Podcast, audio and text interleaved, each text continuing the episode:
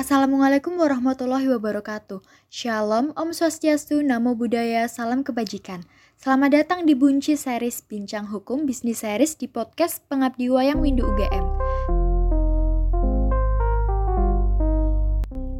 Di podcast ini akan dibawakan oleh saya, Sasi, sebagai moderator, dan rekan saya, Syarifah Nadia Horan, mahasiswa ilmu hukum sebagai narasumber kita. Silakan Nadia untuk menyapa pendengar kita. Halo pendengar semuanya, perkenalkan saya Syarifah Nadia Horan yang akan menjadi narasumber di podcast kali ini. Salam kenal semuanya. Halo juga Nadia.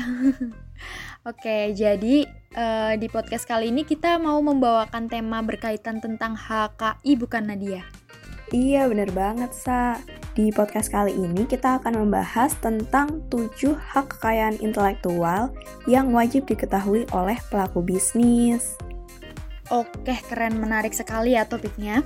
Oke, pendengar kita pun pasti juga akan sangat tertarik nih karena kebanyakan mereka memang dari pelaku bisnis. Uh, sebelumnya ngomong-ngomong, apa sih hak kekayaan intelektual itu, Nat? Oke, jadi tuh menurut World Intellectual Property Organization, kekayaan intelektual itu didefinisikan sebagai hasil kreasi dari pemikiran yang berupa penemuan baru, karya sastra dan karya seni, simbol, nama, dan gambar yang digunakan dalam perdagangan. Nah, kalau untuk hak kekayaan intelektual sendiri ya berarti hak yang menyertai kepemilikan kekayaan intelektual itu. Terus untuk kekayaan intelektual ini terdapat dua golongan, yang pertama mengenai hak cipta atau copyright, dan yang kedua itu industrial property. Ini termasuk merek, paten, rahasia dagang, desain industri, desain tata letak sirkuit terpadu, indikasi geografis, dan perlindungan varietas tanaman yang nanti akan kita bahas satu persatu. Wow, jadi penasaran kan para pendengar? Oke, jangan ke mana-mana, tetap bersama kami di podcast Wayang Windu. Nah, langsung saja kita bahas satu persatu ya dari jenis HKI yang ada. Oke, jadi yang pertama kita akan membahas tentang hak cipta ya. Bisa dijelaskan nggak Nat, apa sih yang disebut hak cipta itu? Bisa banget, Sa. Menurut Undang-Undang Nomor 28 Tahun 2014, hak cipta adalah hak eksklusif pencipta yang timbul secara otomatis berdasarkan prinsip deklaratif setelah suatu ciptaan diwujudkan dalam bentuk nyata tanpa mengurangi pembatasan sesuai dengan ketentuan peraturan perundang-undangan.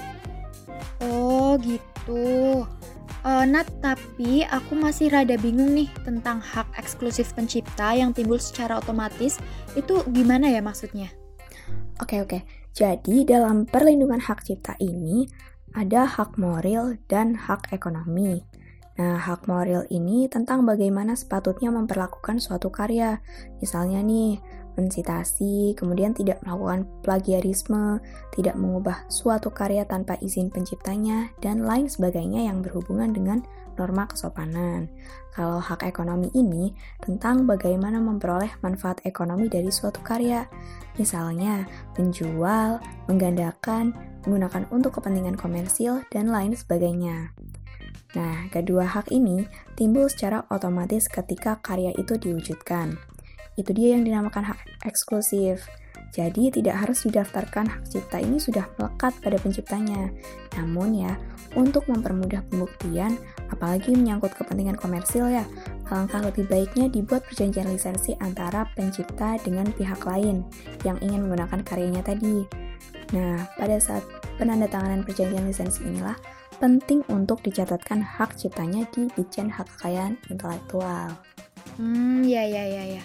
Nah, kalau begitu, apa aja nih kira-kira karya yang dilindungi hak cipta? Nah, ini disebutkan di dalam Undang-Undang Nomor 28 Tahun 2014. Yang dilindungi hak cipta ini lumayan banyak ya, termasuk karya yang berbentuk buku, pamflet, karya tulis, ceramah, pidato, alat peraga yang dibuat untuk kepentingan pendidikan dan ilmu pengetahuan, lagu atau musik, drama, drama musikal, tari, koreografi, karya seni rupa, terus ada juga lukisan, gambar, ukiran, kaligrafi, seni pahat, ada juga karya ter seni terapan lain seperti karya arsitektur, peta, karya seni batik, karya fotografi, karya sinematografi, terjemahan, tafsir, saduran, bunga rampai, basis data, ada juga um, ekspresi budaya tradisional, terus ada juga uh, kompilasi ciptaan dalam bentuk data, baik dalam format yang dapat dibaca dalam program komputer ataupun media lainnya. Ada juga permainan video, dan ada juga program komputer. Pokoknya banyak banget deh. Wow, luar biasa. Ternyata banyak juga ya. Betul. Hak cipta ini tuh termasuk jenis hak kekayaan intelektual yang ruang lingkupnya paling luas. Hmm, menarik, menarik, menarik. Oke, mungkin sekarang kita masuk ke sesi pertanyaan aja ya, Nat ya.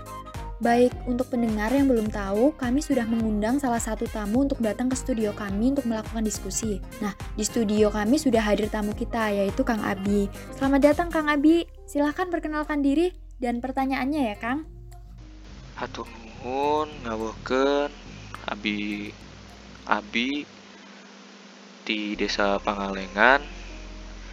Abdi hoyong naros upami motret jalmi kanggo kepentingan komersil. Etapan orang teh wajib nyunken atau nyertakan buktos kesediaan upami hasil tersebut mungkin kanggo tujuan komersil sepertos media beriklan atau promosi. Nah sebenarnya tujuan eta kanggo naon kak apakah mungkin jalmi nu jadi modal tersebut? Oke okay, bakal dapat semacam royalti. Atau eta ngan saukur bentuk etis hungkul turun. Um, oke okay, oke. Okay. jadi Kang Abi ini bertanya tentang hukum dalam memotret orang lain. Nah mungkin bisa langsung dijawab Nadia? Oke, jantan ya Kang Abi. Kanggo itu memang ada ketentuannya dalam pasal 12 Undang-Undang Nomor 28 Tahun 2014 terkait kanggo hak ekonomi atas karya fotografi. Dalam undang-undang tersebut disebutkan bahwa dilarang melakukan penggunaan secara komersial, penggandaan, pengumuman, pendistribusian, dan atau komunikasi atas potret yang dibuat guna kepentingan reklame atau perikanan secara komersil tanpa persetujuan tertulis dari orang yang dipotret atau ahli warisnya. Bahkan, di pasal 115 ayat ketentuan pidana kanggo pelanggarna.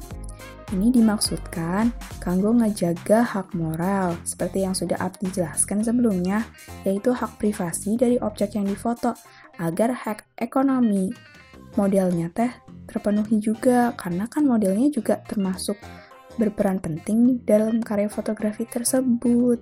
Oh gitu. Jantan eta teh memang wajibnya. Betul Kang Abi. Oke, mantap sekali ya. Semoga penjelasan tadi dapat menjawab pertanyaan Akang ya, Kang. Ya, nuhun teh. Oke, dengan demikian ini akhir dari sesi ngobrol bareng Wayang Windu sesi 7 HKI tentang episode Hak Cipta. Oke, uh, jangan lupa ditunggu episode berikutnya ya. Dadah.